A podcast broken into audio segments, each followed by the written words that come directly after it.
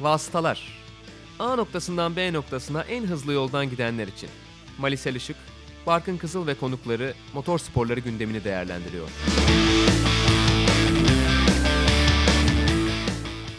Sokrates Podcast'te Vasıtalar'da artık ikinci bölümle ben Malis Elişik Ben Barkın Kızıl. ve sevgili Serhan Acar bizlerle birlikte. Onunla Formula 1 konuşacağız tabii ki ve motor sporlarının son gündemini de ayrıca değerlendireceğiz. Öncelikle e, biraz MotoGP'den başlayacağız. Ondan bahsetmek lazım.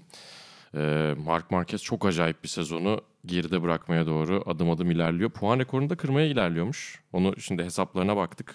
E, Jorge Lorenzo'nun 2010'da 383 puan rekoru var.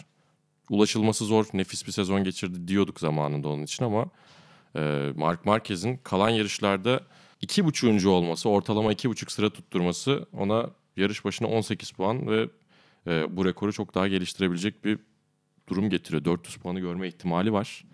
Yani çok acayip gidiyor. Yani spor dünyasında, motor sporlarında hep böyle bir dominasyon dönemi oluyor. Belki en çok tartışılan şeylerden bir tanesi o ama e, hakikaten ya bir de şöyle bir durum var. Ya birinci ya ikinci oluyor. Onun dışında başka hiçbir sonucu yok bu sene. Çok nadir gördüğüm şeylerden biri aslında. Ee, aslında çalışmadığım yerden başlamış oldunuz MotoGP ile beraber. Ama e, yani bahsettiğine benzer bir dominasyonu işte zamanında Valentino Rossi yaptı. Ee, başka branşlarda Sebastianlar, Löb ve Ogier. Sonrasında Schumacher, şimdiki dönemde Hamilton.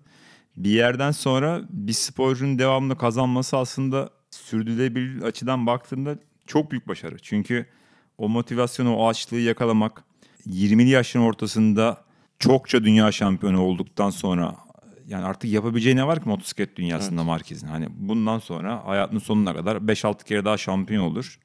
182 dünya şampiyonluğunda kariyerini bitirir. Gidebileceği bir yer yok ondan sonra. Çıtayı yukarı taşımakta kendinden başka rakibi yok. Beni gerçekten bu tarz işlerde hani işin e, tadını kaçırdığı bir gerçek. Bütün sporlarda böyle.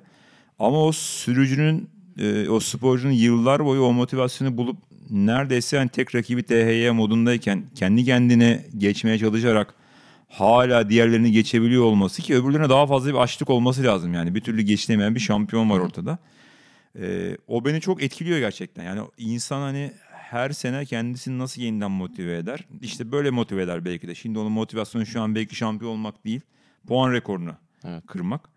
Ee, onun için de hani bir bakıma sporu bir adamın alıp götürmesi sıkıcı bir şey ama öbür taraftan hani bundan 10 yıl 20 yıl sonra baktığımızda ya spor tarihinin en büyük adamlarını izledik, anlattık, gördük olacak.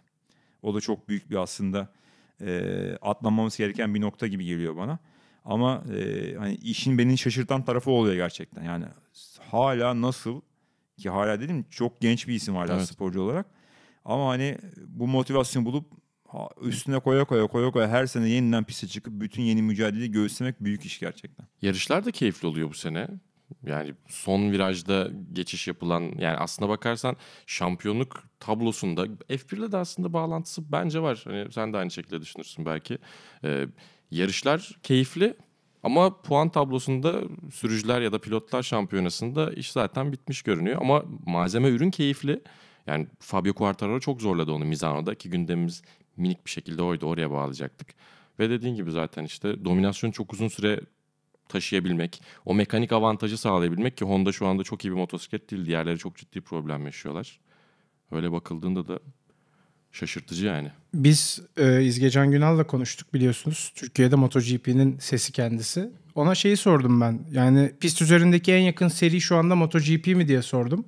O da British Superbike'la beraber evet bence dedi. Çok sever o O Britanya ile evet zaten en sevdiği seri. Ama gerçekten de ikisi de çok çok yakın yani hep son düzlükte belirlenen yarış galipleri olan seriler. Bu anlamda izlemesi çok keyifli. Ee, Marquez'le ilgili de şunu ekleyeceğim. Bir yarış fazla koşuluyor bu sezon 2010'a göre. Dolayısıyla şansı biraz daha yüksek olacak. Ee, bir de bir sezonda en çok puan toplayan sürücüler de zaten hali hazırda 5. 362 puan toplamıştı 2014'te. Dolayısıyla bu rekoru da bence geliştirecek. Jorge Lorenzo'nun rekorunu da geliştirecek gibi gözüküyor. Bu dediğin şey önemli e, Maya gerçekten e, hani bir şekilde şampiyonluk mücadelesi yoksa bile daha doğrusu şöyle söyleyeyim tam dediğin gibi yarışlar keyifli ve çekişmeli rekabet dolu son anda kazanın belli olduğu şekilde geçiyorsa kimse şampiyonun puan durumuna takılmıyor.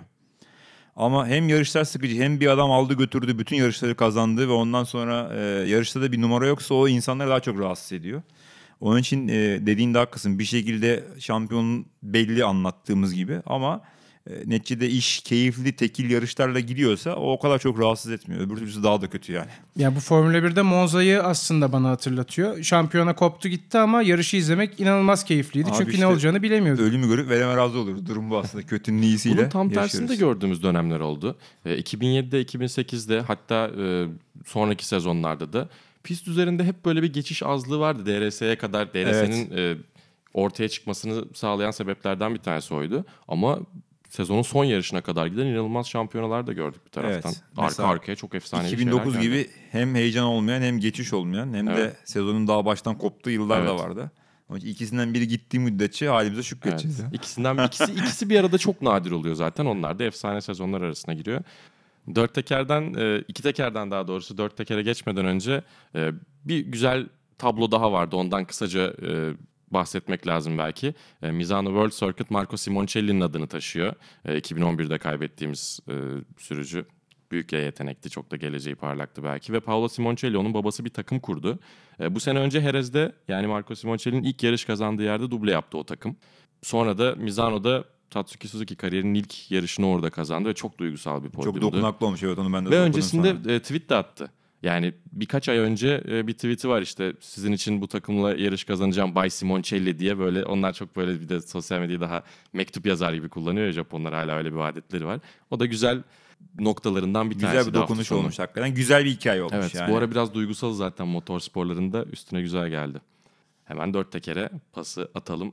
Ee, Ayhan Can Güven Porsche Carrera Cup Fransa'da Manikur'da çok iyi işler yaptı. Ayhan Can Güven ve Porsche Super Cup uzmanımız. Estağfurullah. Özellikle Carrera Cup'ta yani çok fazla takip edemiyoruz Türkiye'de. Biliyorsun YouTube linkiyle biraz işliyor bu işler. Ee, dolayısıyla yayını takip etmek biraz zahmetli ama çok iyi bir hafta sonu geçirdi Ayhan Can bir kere daha. Ee, ilk yarışta ikinci, ikinci yarışta birinci oldu. Ve birinci olurken paramparça etti ortalığı. Hem tur rekoru hem pole pozisyonu hem galibiyet. Yani çok yetenekli bir sürücü olduğu kesin çok da genç. Valelunga'da biliyorsunuz Uluslar Kupası var. FA Uluslar Kupası yarışı. Çok az kaldı. 1-3 Kasım'da Salih Yoluç'la beraber yine direksiyonu paylaşacaklar ki son şampiyon olarak pistte olacaklar. Serhan abi sen de takip ediyorsun Ayhan Can'ı. Ben Ayhan Can'ı e, yani babası Hakan Güven'den e, dolayı ilk tanıdık. Onun çocuğu olarak karting'e başlayan bir hani babanın işte ufak çocuğu olarak. Ama şu anda Hakan abiyle de bu arada hala devamlı konuşuyoruz. Sürekli diyorum abi sen artık senin papucun dam da sen artık Ayhan Can'ın babası oldun. Eskiden Ayhan Can ünlü yarışçı Hakan Güven'in oğluydu. Ayhan Can'ın kartingden bu yana zaten yeteneği olduğu çok aşikardı ama bunu doğru takımla doğru bütçeyle e, doğru sezonda birleştirmek çok önemli mesele. Şimdi e, benim çalıştığım aydınlatma şirketinin patronu Cenk Çeyişakar da Porsche'de uzun yıllar yarıştı. Tek marka kupalarının kendine özgü bir zorluğu var. O da hani rekabet o kadar yakın ki şimdi işte Formula 1'de ya da MotoGP'de iyi bir motorla bazen vasat bir adamı kazandırtabiliyorsunuz. Ama Porsche'de öyle bir şansın yok. Bütün ekipman eşit. Sizin doğru ayarı yakalayıp önce. Sıralama turu çok önemli. Geçiş çok az oluyor. Sen benden daha iyi biliyorsun. Ben keyifle evden takip ediyorum. Olunca da Ee, temiz sadece. olmuyor abi biliyorsun. Temiz olmuyor. Tabii temiz kan gövdeye götürüyor. inceleme oluyor. Ee, Önden canım Yani, sıkıldı bildiğin gibi. Aynen kan gövdeye götürüyor. Dolayısıyla hani o arenada e, aslında çoğu zaman cumartesi günü sıralama turu yarışın kaderini belirliyor. Yani tek turda bir şey yaptıysan o seni bir yere taşıyor yapamadıysan zaten yarışta 1-2 sıradan fazla kazanamıyorsun. Mümkünatı yok çok fazla. O açıdan Ayhan Can'ın ben yani gidişatını çok büyük keyif ve gururla takip ediyorum. Çünkü e, yani geçtiğimiz senelerde hem bu kadar üst düzey performansı bu kadar istikrarla birleştiremiyordu. Ara ara yine hızını gördüğümüz oluyordu ama bu yıl böyle bildiğin ki Porsche Mobile Super Cup hakikaten çok zor. Dünyada 25 tane Porsche organizasyonu var. Resmi Porsche'nin adını taşıyan işte Güney Amerika var, işte Asya Pasifik var vesaire. Ya bunların da en kaymak noktası. Yani Porsche e, Sport'un ürettiği işte her yıl ortalama 200 yarış otomobili üretiyorlar. Yani en iyi 30'unu verdiği ilk önce bu takımlara gidiyor. Yani aslında dünyanın en iyi Porsche'leri de takımların emrinde. Orada yarışmak hani yarışmak bile çok zor arenaya çıkmak. Çünkü zaten hani ne kadar paranız olursa olsun sizi orada yarışa almıyorlar. Porsche'nin birçok kas sistemi gibi bir puantaj sistemi var. belli başarıları kazanmadan o arabaya bile ulaşamıyorsun. Bırak yarışmayı. O açıdan Ayanca'nın kendini taşıdığı yer gerçekten takdire şayan. Ben hakikaten hani e, önümüzdeki yıllarda çok ciddi şekilde profesyonel bir GT sürücüsü görüyorum Ayanca'nda. Hatta bazı takımların işte e, imkanları kendisine sunulan e, yarışma anlamında gitişi daha iyiye gidiyor. Çünkü onunla da e, temas halindeyiz. E, çok ciddi şekilde belki Le Mans 24 saatte yarışan bir Türk sürücüyü e, daha önce izledik ama yani kazanmak üzere yarışabilen bir takımda profesyonel olarak kendisine yer bulacak bir potansiyel görüyorum. Porsche'de şampiyonluk şansını da bu sene yani çok e, alışma yılıydı ama daha başlarken yarış kazandı bir çaylak olarak. Gelecek senelerde ciddi ciddi Porsche Mobil bir Süper Cup'ta dünyanın en iyi Porsche sürücüsü görüyorum ben şu anda. Ya O- zaten o, öyle kumaş demişti. ve potansiyel var yani. İkinci sezonu ben kazanmak istiyorum demişti. Öyle de olacak diye umuyoruz yani. Heyecanla, keyifle takip ediyoruz, destekliyoruz. Yani şu anda bunun yapmaması hiçbir sebep yok. Bir sürü pistte şu anda Mobil 1'de yani Süper Kupa'da tecrübe kazanıyor. Daha önce yarışırsanız bir o arana çok farklı. Ondan dolayı da e, geleceği çok parlak. Muhtemelen Türk otomobil sporu tarihinin en başarılı pist sürücüsünü konuşuyoruz şu anda. Gelecek potansiyeline baktığımızda.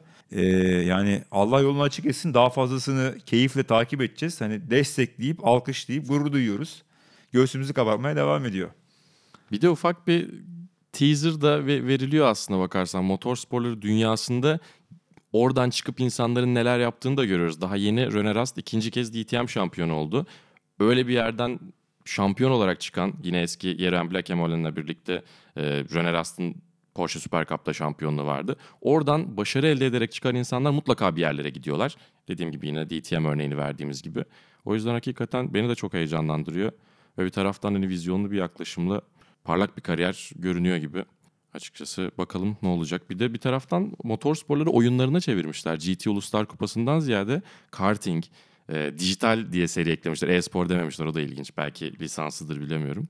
E, birkaç farklı kategori haline getirmişler. Belki ilerleyen yıllarda daha kalabalık gidebiliriz. Motor sporları olimpiyatlarına benzer bir şey oluşturma çabasında galiba FIA.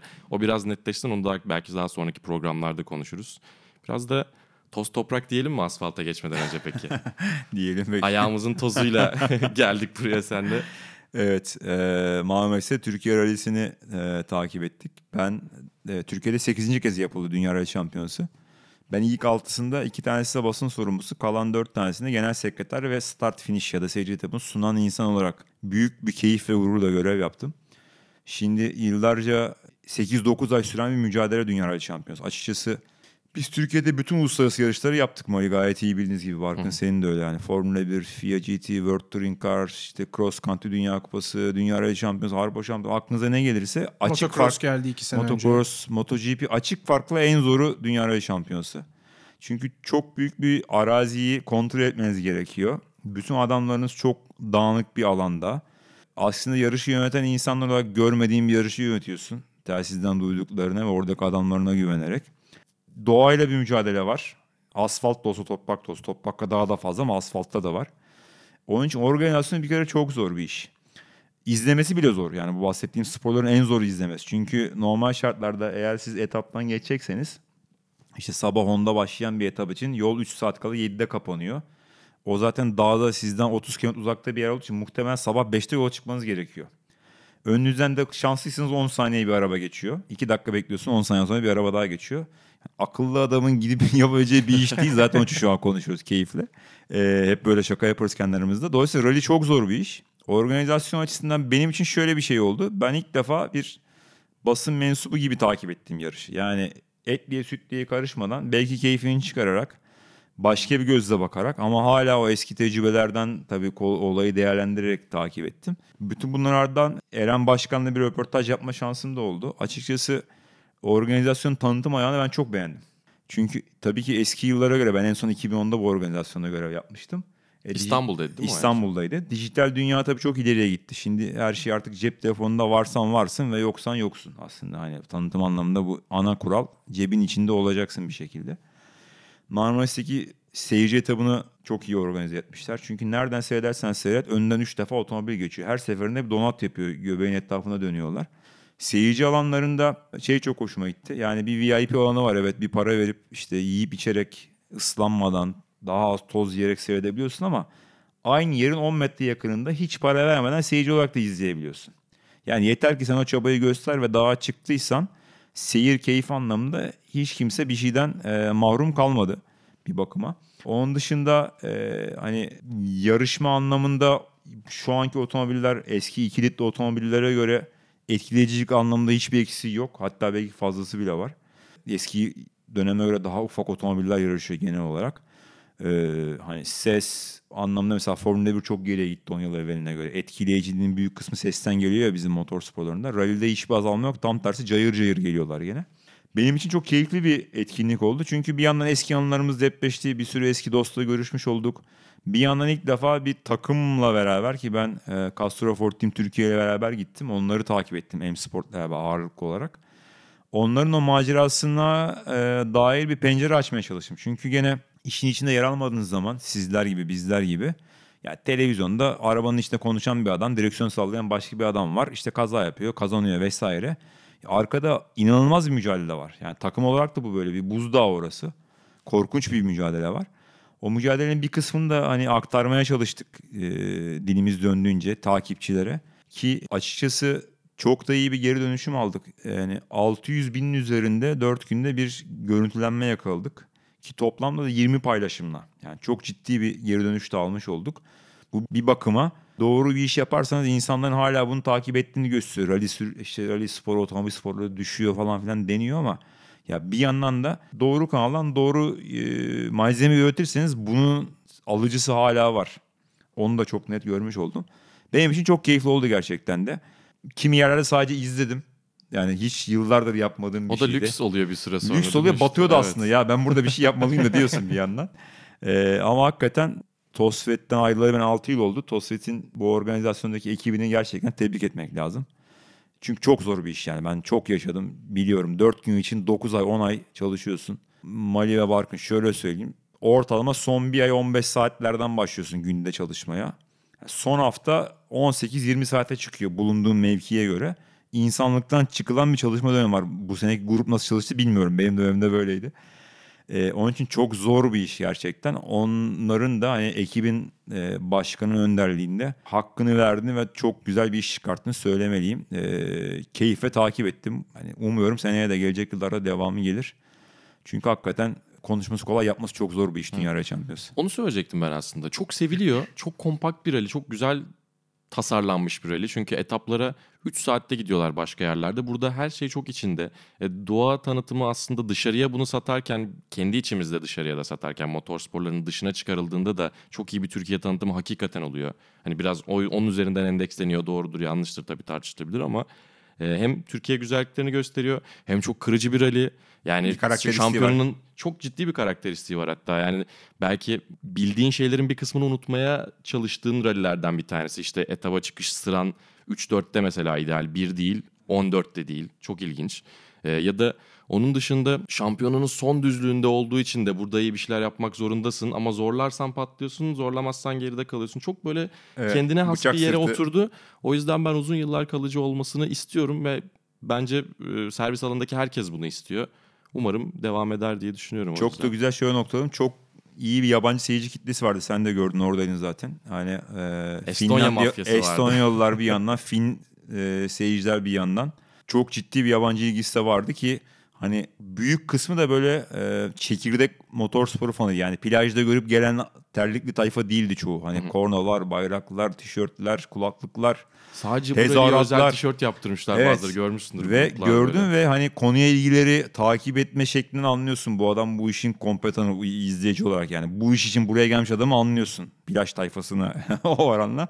O işten o da benim çok hoşuma gitti. Çünkü e, bir şekilde insanları buraya getirin zaman mutlaka onun sonunda Antalya'da da böyleydi. İnsanlar tatil de ekliyor. Hadi yarışı gördük işte önce geldik veya sonra devam ettik. Bir tatil de oluyor. Yani bö- bölge ekonomisine katkısı da o açıdan önemli. Hepsi bir arada. Hepsi bir arada. Gerçekten ben e, bireysel olarak çok keyif aldım.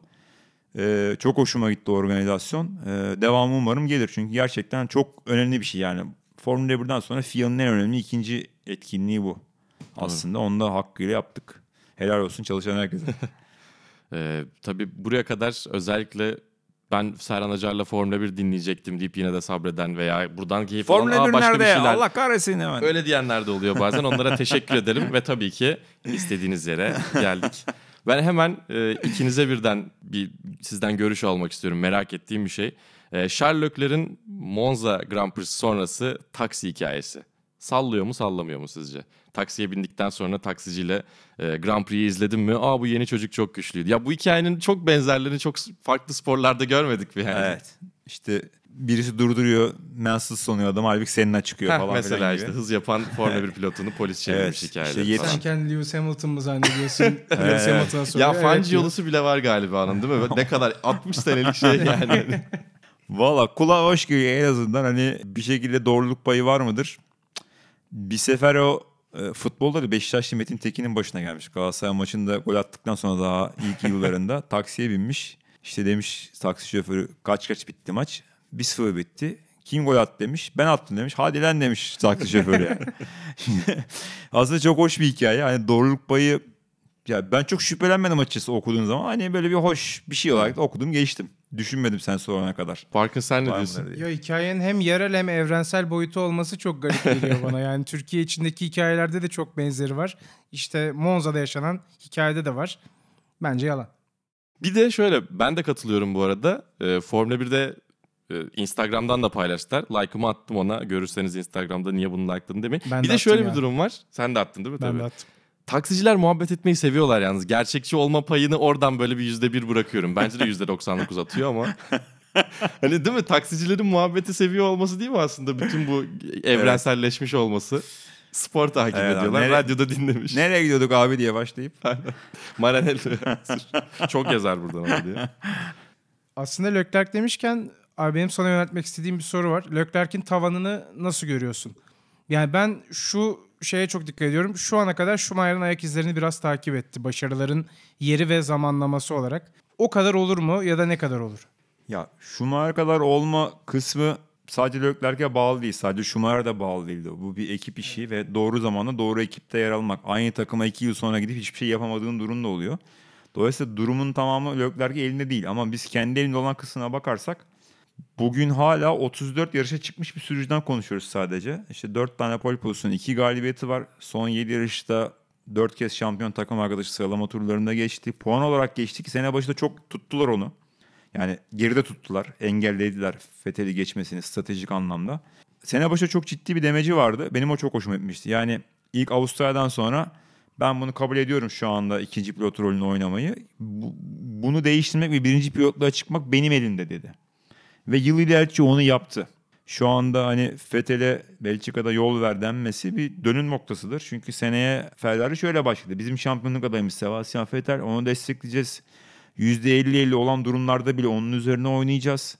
Hani asıl adayımız o diye başladı ve bu adamı e, geride tuttular Leclerc önünü kesmesin diye.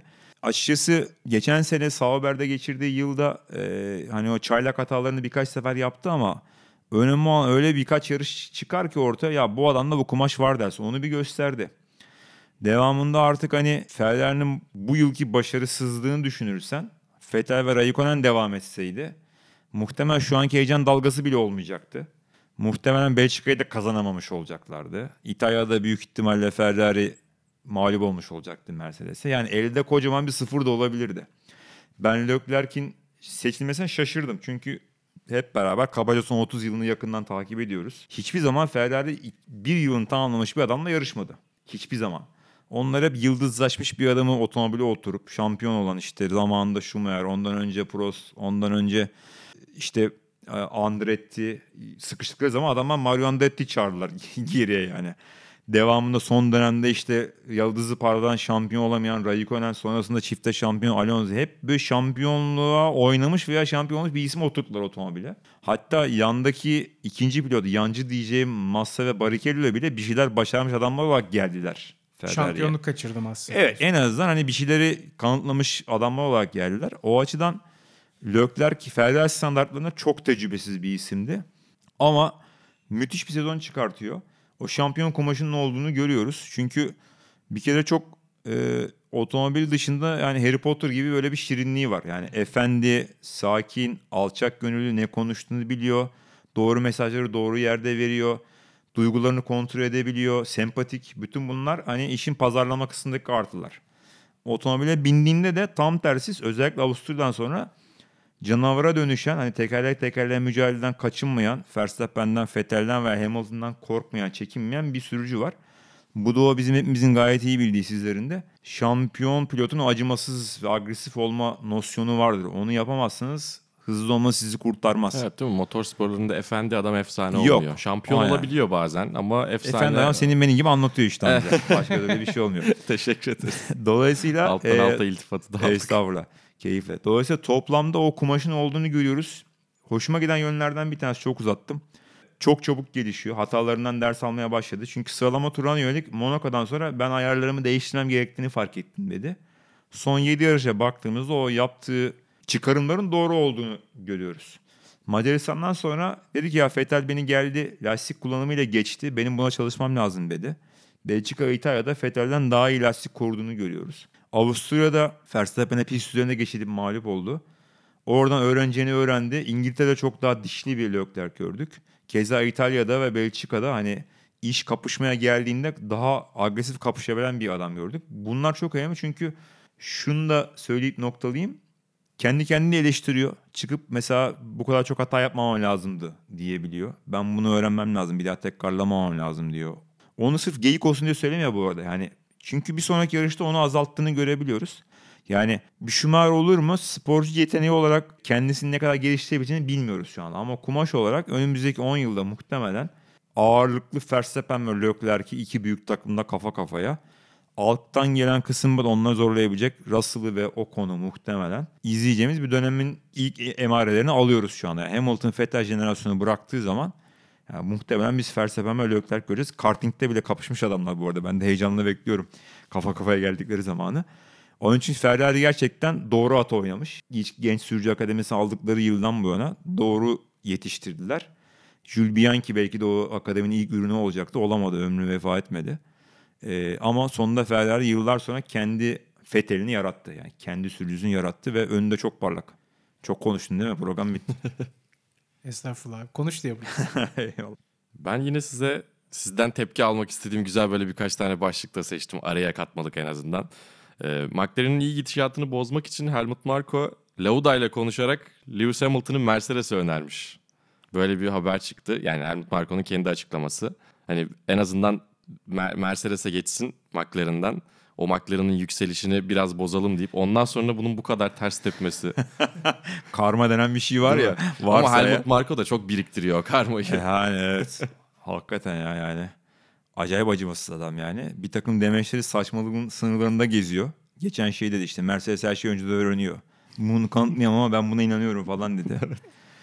Ondan sonra bir yandan hani e, o demin konuştuğumuz e, şampiyonu yaratacak acımasızlığı sonuna kadar gösteriyor. Bir yandan bir şekilde işte Demeç de 7 6 yıl 7 yıl evvelki bir hikayeyi gündeme getirip kendine payda çıkartıyor takımı adına da. Konuşuluyor sonuçta. Evet. Ee, o açıdan hani muhtemelen Kiyata veya Gazi'ye sorsan aynı şeyi söylemezler ama bence kendi takımı için hep doğruları yapıyor. Yani onların ne, niyeti sonuçta yeni bir Vettel, şu anki Vettel değil, eski şampiyon Vettel, yeni bir Verstappen yaratmak istiyorlar. Yeni bir Ricardo yaratmak istiyorlar. Verstappen bile yeniyken yeni Verstappen'i arıyorlar. Çok Bir de şu var, istediğin kadar gıcık ve huysuz bir ihtiyar olsun. Şu anda Formula 1 Dünya Şampiyonası ilk 10 sürücünün 7'si Red Bull programının ürünü. Hamilton, Bottas ve Leclerc hariç hepsi Red Bull sürücü programının üyesi olmuş. Toro Rosso veya Red Bull'da yarışmış. Yarışlar kazanmış ve şu an ilk 10 sayayım hemen. Verstappen, Vettel, Gazi, Sainz, Ricardo, Albon, Kvyat. Yani Leclerc'ten sonra 5'ten 10'a kadar hepsi Red Bull üyesi. Bir de Verstappen. Dolayısıyla yaptığı işte doğru. 20 pilotun o 7'sini şu anda yetiştirmiş bir Daha adamdan bahsediyoruz. Onun için de hani e, gıcık falan ama doğru işi yapıyor yani. Ben sadece McLaren'in gidişatını bozduğunu söyleyeceğim. Bunu başarmış yani. Güzel doğru aslında. Ama daha fena bir gidişata sebep olmuş. Da Vallahi artık... voodoo büyüsü yapmış McLaren yani. Ama çok doğru evet doğru doğru noktadan yakaladın. Mercedes ilk olarak bir de Hamilton yerine Nick Heidfeld'i düşünmüş. Oo, bunu bilmiyordum. Gerçekten yüzyılın hatası olurmuş yani. Değil mi? ya, direkten dönmüşler aslında. İşte Evet. bazen böyle hakikaten e, yıldızlar denk gelir ya da Evet. işte gezegenler denk gelir derler ya hakikaten. Ya 2012 Singapur'da Hamilton liderken vites kutusundan kaldı. Sonra o hafta gitti Mercedes'le anlaştı. Bıktı çünkü yani yıllardır gelmeyen şampiyonluktan. Otomobil hızlıysa dayanıksız, dayanıklıysa yavaş. İkisi bir türlü bir araya gelmiyor. O seneki otomobil en hızlı otomobildi. Bu sefer operasyon hatası çok yaptılar. Hep pitte çuvalladılar. Belki o yarışı Hamilton kazansa devam edecekti. Gitti Mercedes'e hatta hayatın kumarını oynadı falan dediler. Tarih değişti resmen. Ha, kelebek etkisi değişti. değil, dişli etkisi arada hakikaten. Acayip haberler. İşte yıllar geçtikçe geriye dönük bile çıkabiliyor bazı şeyler. O da çok ilginç bence. Ee, 2021'de Serhan abi biliyorsun önemli değişiklikler olacak. Senin bu konuyla ilgili videon da var hatta Sokrates YouTube kanalında. Sence bu değişikliklerden sonra dominant olan takım değişecek mi? Yani şu ana kadar bir dominantlık dönemleri olduğunu görüyoruz bana sorarsan üst üste. Değişiklik olacak mı? Ne düşünüyorsun bu konuyla ilgili? Evet. 4 yıl üstü Red Bull 6 yılda da Mercedes şampiyon olmadıktan sonra ben değişmesini istiyorum açıkçası. Sonuçta biz motorsporu niye takip ediyoruz? Doğru bir rekabet ve heyecan olsun. Farklı kazananlar hatta mümkünse güçsüz biri kazansın. O her zaman insanın hoşuna giden bir psikolojidir. Muhtemelen şu anki şekilde devam etseydi önümüzdeki 8-10 yılda da biz gene Red Bull, Ferrari, Mercedes'ten başka kimseyi kazanırken görmeyecektik. Benim daha önce kural değişikliklerine göre bunda biraz daha fazla umudum var. Çünkü Ross Brown işin başında. Bu adam takım tasarlayarak ve yarıştırarak şampiyon olmuş bir adam. Takım patronu olarak şampiyon olmuş bir adam. Ee, Mercedes'in şu anki başarısının temellerini atmış bir adam. Şampiyonluğu göremedi ama aslında takımı o ilk kurulum aşamasını 2010'dan önce kadar o yaptı. Dolayısıyla altında bir de Pat Simons gibi yine zamanında işte Tolman'da, Benetton'da, Renault'da, işte Alonso'yla, Schumacher'le yarışmış şampiyonluklar kazanmış bir teknik adamın hesaplamalarıyla gidiyor iş. Onun için hani otomobillerin birbirini takip etmesi ve geçiş yapabilme kabiliyeti anlamında 2017'de hiçbir şekilde bu hesaba katılmamış bile. Öyle bir facia ki bu Barkın. Yani bir sporun gidişatını değiştirecek bir takım değişiklikler yapıyorsunuz. Takımlara yüzlerce milyon euro para harcatıyorsunuz. Ama tablo bir kere birebir aynı devam ediyor. Hani üstün gene Mercedes, Ferrari ve Red Bull. Hadi onu geçtim. Arabaları hızlandıralım derken hiç kimse bunların birbirini nasıl geçeceğini düşünmemiş. ya bu işin anahtarı bu zaten ya. Biz geçiş görmek için seyrediyoruz onu yani. Öbür türlü cumartesi sıralama turunu seyreder kapatır gidersin zaten. İlk defa ben bir bütüncül bakış açısı görüyorum son 1-2 yılda yapılanda. Şunu da söyleyeyim bu seneki kural değişiklikleri de isteyeni vermedi. Arabaların birbirini takip etmesi anlamında. Yani kayda değer oranla daha fazla birbirini geçen arabada göremedik. Ama hani bunu dediler ki 2021'in bir işte ön provası gibi, ön gösterimi gibi değerlendiriyoruz diye. Ee, 2021'de sadece teknik olarak değil tabii bu gelir dağılımı muhtemel bir bütçe limitinin gelmesi e, getirilecek gibi gözüküyor. E, onunla birlikte işler biraz daha değişebilir. Çünkü artık yani bu iş sonuçta teknoloji işi ve bir e, NBA'deki bütçe limiti gibi bir limit olmazsa yine Mercedes ve Ferrari yarıştığı müddetçe hayat boyu en fazla para harcamaya devam edecekler. Red Bull 3. sırada markanın gücüyle. Kalan takımların artık şu anki sponsor gelirleriyle beraber onları bütçe anlamında yakalama şansı kalmadı. Eşittir hiçbir zaman onlar kadar fazla harcama yapamayacaklar. Kaynakları olmayacak, insanları olmayacak, harcayacakları para olmayacak. Ve normal şartlarda bu böyle devam edecek. E biz şimdi yılda bir kere başka bir takımdan biri podyuma çıkınca sevinir hale geldik yani. En azından ilk üç dışında biri podyuma çıktı diye. Hani bu işin tadının kaçtığı çok ortada aşikar. Yani bir sporu iki takım toplamda 10 yıl boyunca kazanıyorsa orada bir yanlış var demektir zaten. Ha bazen etkileyemezsiniz futbol gibi kuralları değişecek haliniz olmayan sporlar var basketbol gibi. Ama orada en azından bütçe limiti işte nasıl örnek vereyim ya NBA'de bana de- deselerdi ki Cleveland'la Golden State yıllar boyu üst üste NBA finali oynayacak. Gülerdim 20 yıl evvel ya siz manyak mısınız derdim. Adamlar playoff'a bile kalamıyorlar derdik. Ha, dünya değişebildi mesela NBA'de. Motor sporlarında değiştiremediler şu ana kadar. Ama bu bütçe limiti gelirse iş hakikaten değişebilir. O zaman mesela Racing Point eski adıyla Force India ya aslında harcadığı parayı puana bölersen en başarılı takım. Ama hiçbir zaman öbürleri kadar harcayacak parası yok ki kendisini, o yeteneğini, becerisini, takım olarak başarısını yukarı taşısın. Belki o şans gelecek ama bütçe limiti gelmezse ben yine kurallar ne olursa olsun bu işin devam edeceğine inanıyorum. O çok önemli. Doğru şekilde denetlenebilen bir bütçe limiti şart.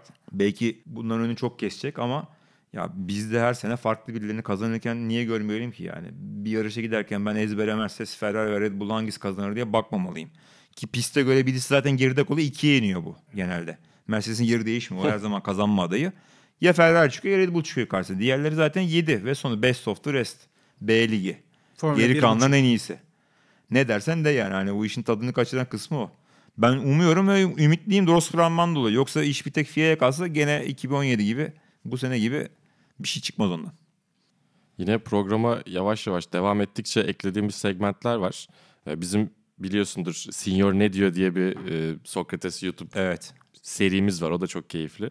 Böyle ondan da hafif örnek aldık aslında ama böyle birer cümleyle sana birkaç isim verip Serhan ne diyor diye yapabiliriz bak bu bölümü. Evet, Şimdi evet. buldum tutarsa.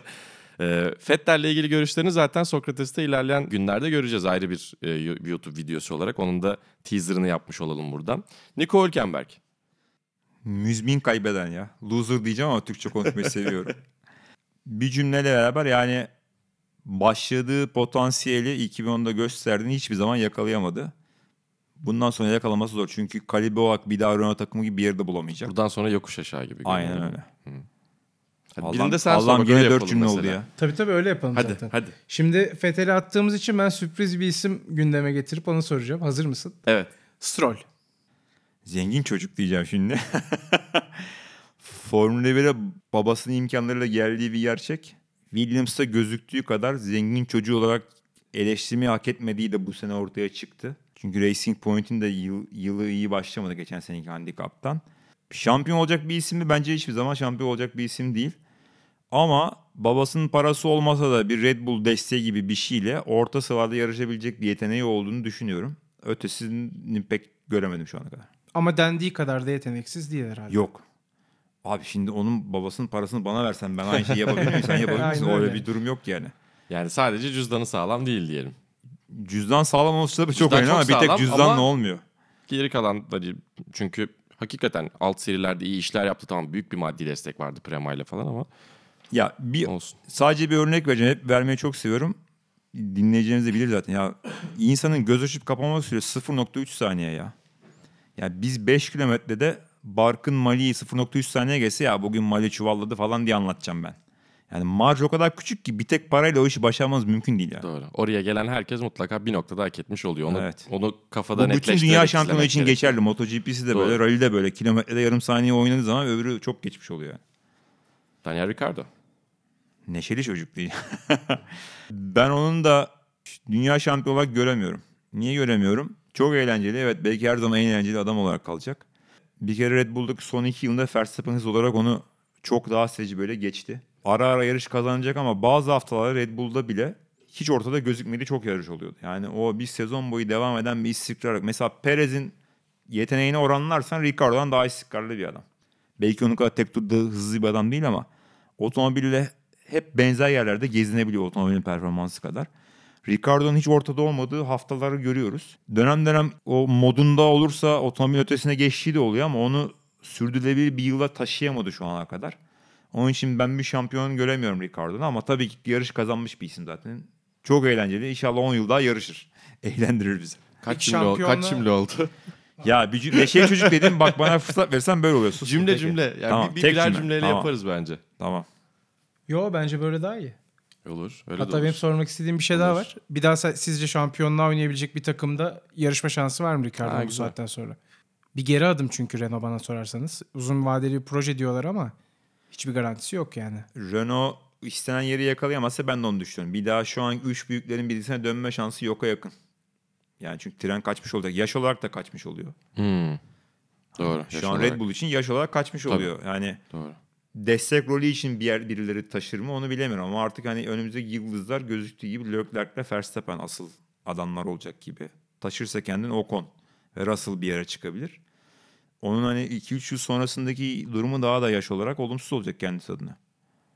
Carlos Sainz? Babasını çok seviyorum. Hayranıydım.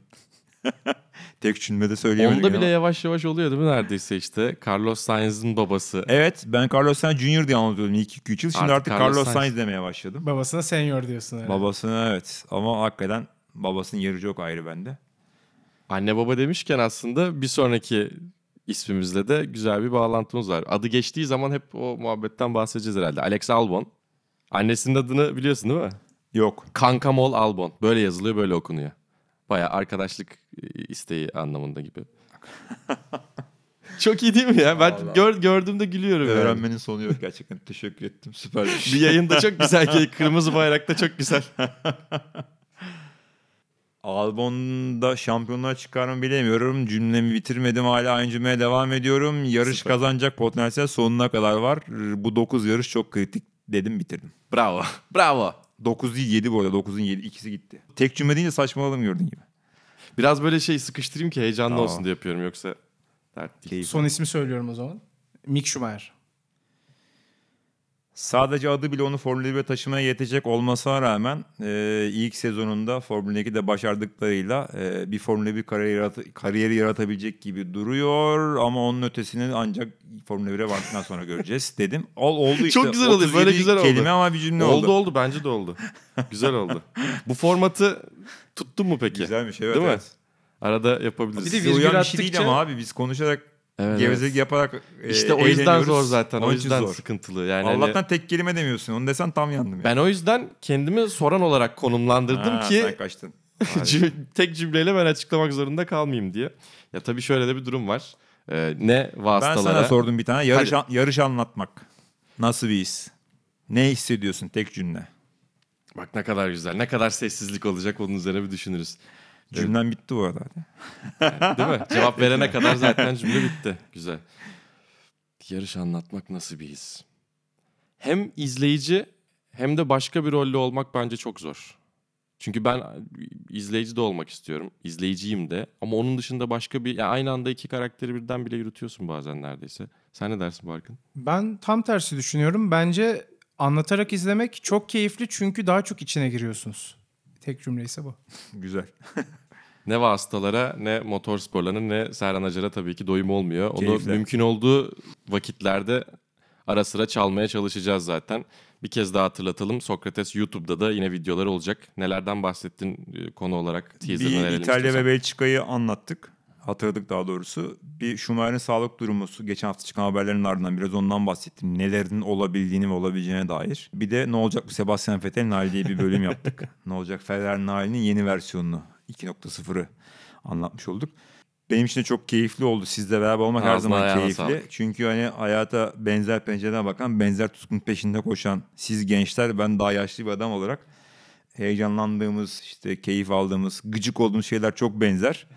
Ee, ondan dolayı da her ortamda bizim zaten tek muhabbetimiz de saatlerde sürdüğü için arabada kanala giderken bile gayet iyi bildiğin gibi. Böyle bir ortama iyiden çenemiz düşüyor üçümüz bir araya gelince. Ben çok keyif aldım. Sizleri de ikinizi de ee, hani benden daha genç jenerasyona keyifle takip ediyorum. Hem anlattığınız her şeyde verdiğiniz bilgiler işte kankam öğrendik cebimize koyduk. Barkın'a tabii daha keyifli şekilde Porsche'de şampiyonluk ve yarış galibiyetleri Çok anlatacağını teşekkür ederim abi. Biliyorum öyle gözüküyor. Mali senin için de anlattığın sporlarda inşallah bir Türk denk gelir. Benimkine gelmeyecek kesin de yani. Ee, ama hakikaten e, siz de keyif ve takip eder- ederek dinliyoruz. Ben teşekkür ediyorum. Sonuçta çağırdınız beraber. Sohbet ettik. Benim için bu bir eğlence yani. Boş verin programı her zaman.